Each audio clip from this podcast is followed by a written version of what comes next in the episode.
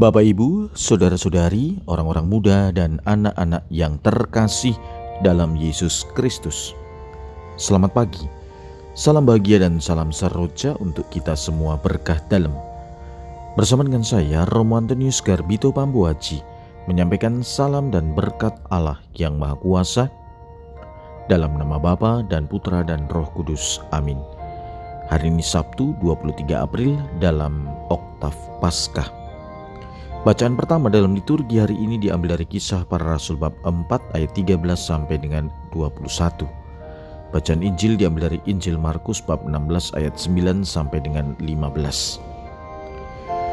Setelah Yesus bangkit dari antara orang mati, pagi-pagi pada hari pertama minggu itu, ia mula-mula menampakkan dirinya kepada Maria Magdalena.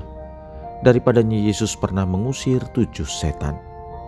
Lalu perempuan itu pergi memberitahukannya kepada mereka yang selalu mengiringi Yesus dan yang pada waktu itu sedang berkabung dan menangis. Tetapi ketika mereka mendengar bahwa Yesus hidup dan telah dilihat olehnya, mereka tidak percaya. Sesudah itu Yesus menampakkan diri dalam rupa yang lain kepada dua orang dari para murid ketika keduanya dalam perjalanan keluar kota ketika mereka kembali dan memberitahukannya kepada teman-teman yang lain, kepada mereka pun teman-teman itu tidak percaya. Akhirnya Yesus menampakkan diri kepada kesebelas orang itu ketika mereka sedang makan. Yesus mencela ketidakpercayaan dan kedegilan hati mereka oleh karena mereka tidak percaya kepada orang-orang yang telah melihat dia sesudah kebangkitannya. Lalu Yesus berkata kepada mereka, Pergilah ke seluruh dunia, beritakanlah Injil kepada segala makhluk. Demikianlah sabda Tuhan, terpujilah Kristus. Saudara-saudariku yang terkasih, selama masa oktav ini kita mendengar banyak kisah menarik tentang Tuhan Yesus yang bangkit dan bagaimana reaksi dari para murid.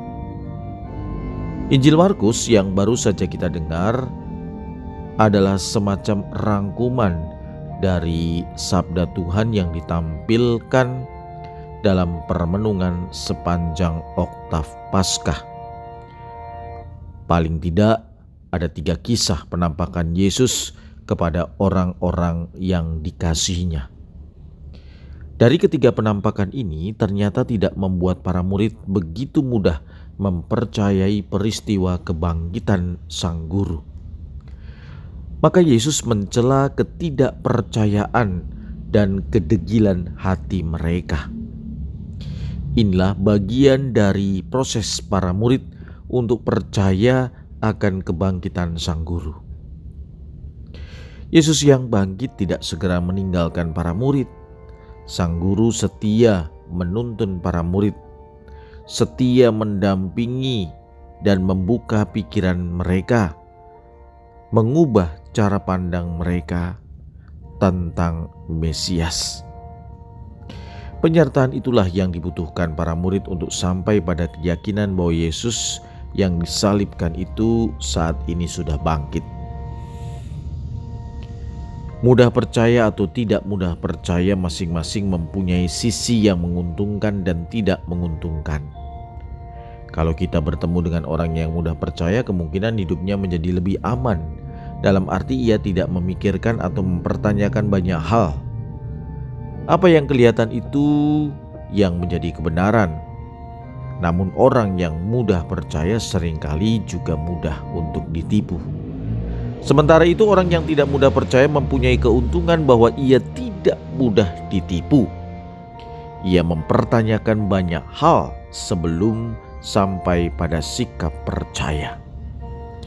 Biasanya ketika dia sudah percaya, kepercayaannya tidak mudah hilang. Kepercayaannya akan bertahan lama meskipun yang dipercayai tidak sepenuhnya benar.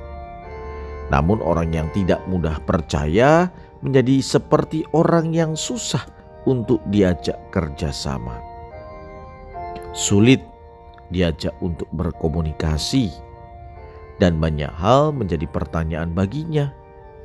Mungkin saja hidupnya mempunyai banyak peluang untuk stres dibandingkan orang yang mudah percaya. Saudara-saudari, dalam kehidupan sehari-hari, salah satu unsur penting membangun hidup yang bahagia adalah sikap percaya. Dan kepercayaan itu tidak bisa kita minta, kepercayaan itu diberikan kepada kita. Dalam hidup berbisnis, unsur kepercayaan biasa menjadi penentu, biasa menjadi prasyarat. Sukses atau tidaknya sebuah usaha biasanya pun juga didukung oleh faktor ini. Begitu juga dalam dunia kesehatan, seorang pasien yang tidak percaya dengan tenaga medis atau perawatnya biasanya akan mempunyai waktu yang lebih lama dalam kondisi sakit.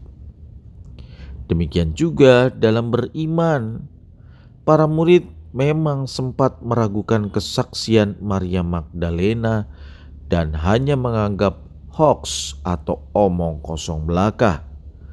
Terhadap dua murid dari Emmaus pun mereka belum sepenuhnya percaya, baru sebatas kagum.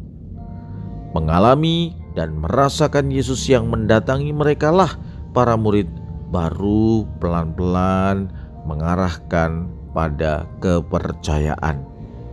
Marilah saudara-saudari yang terkasih kita berusaha membangun kepercayaan dari berbagai macam aspek kehidupan kita.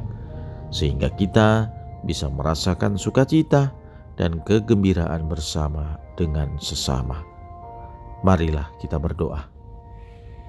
Ya Tuhan, semoga kami mampu semakin setia mendalami misteri Paskah.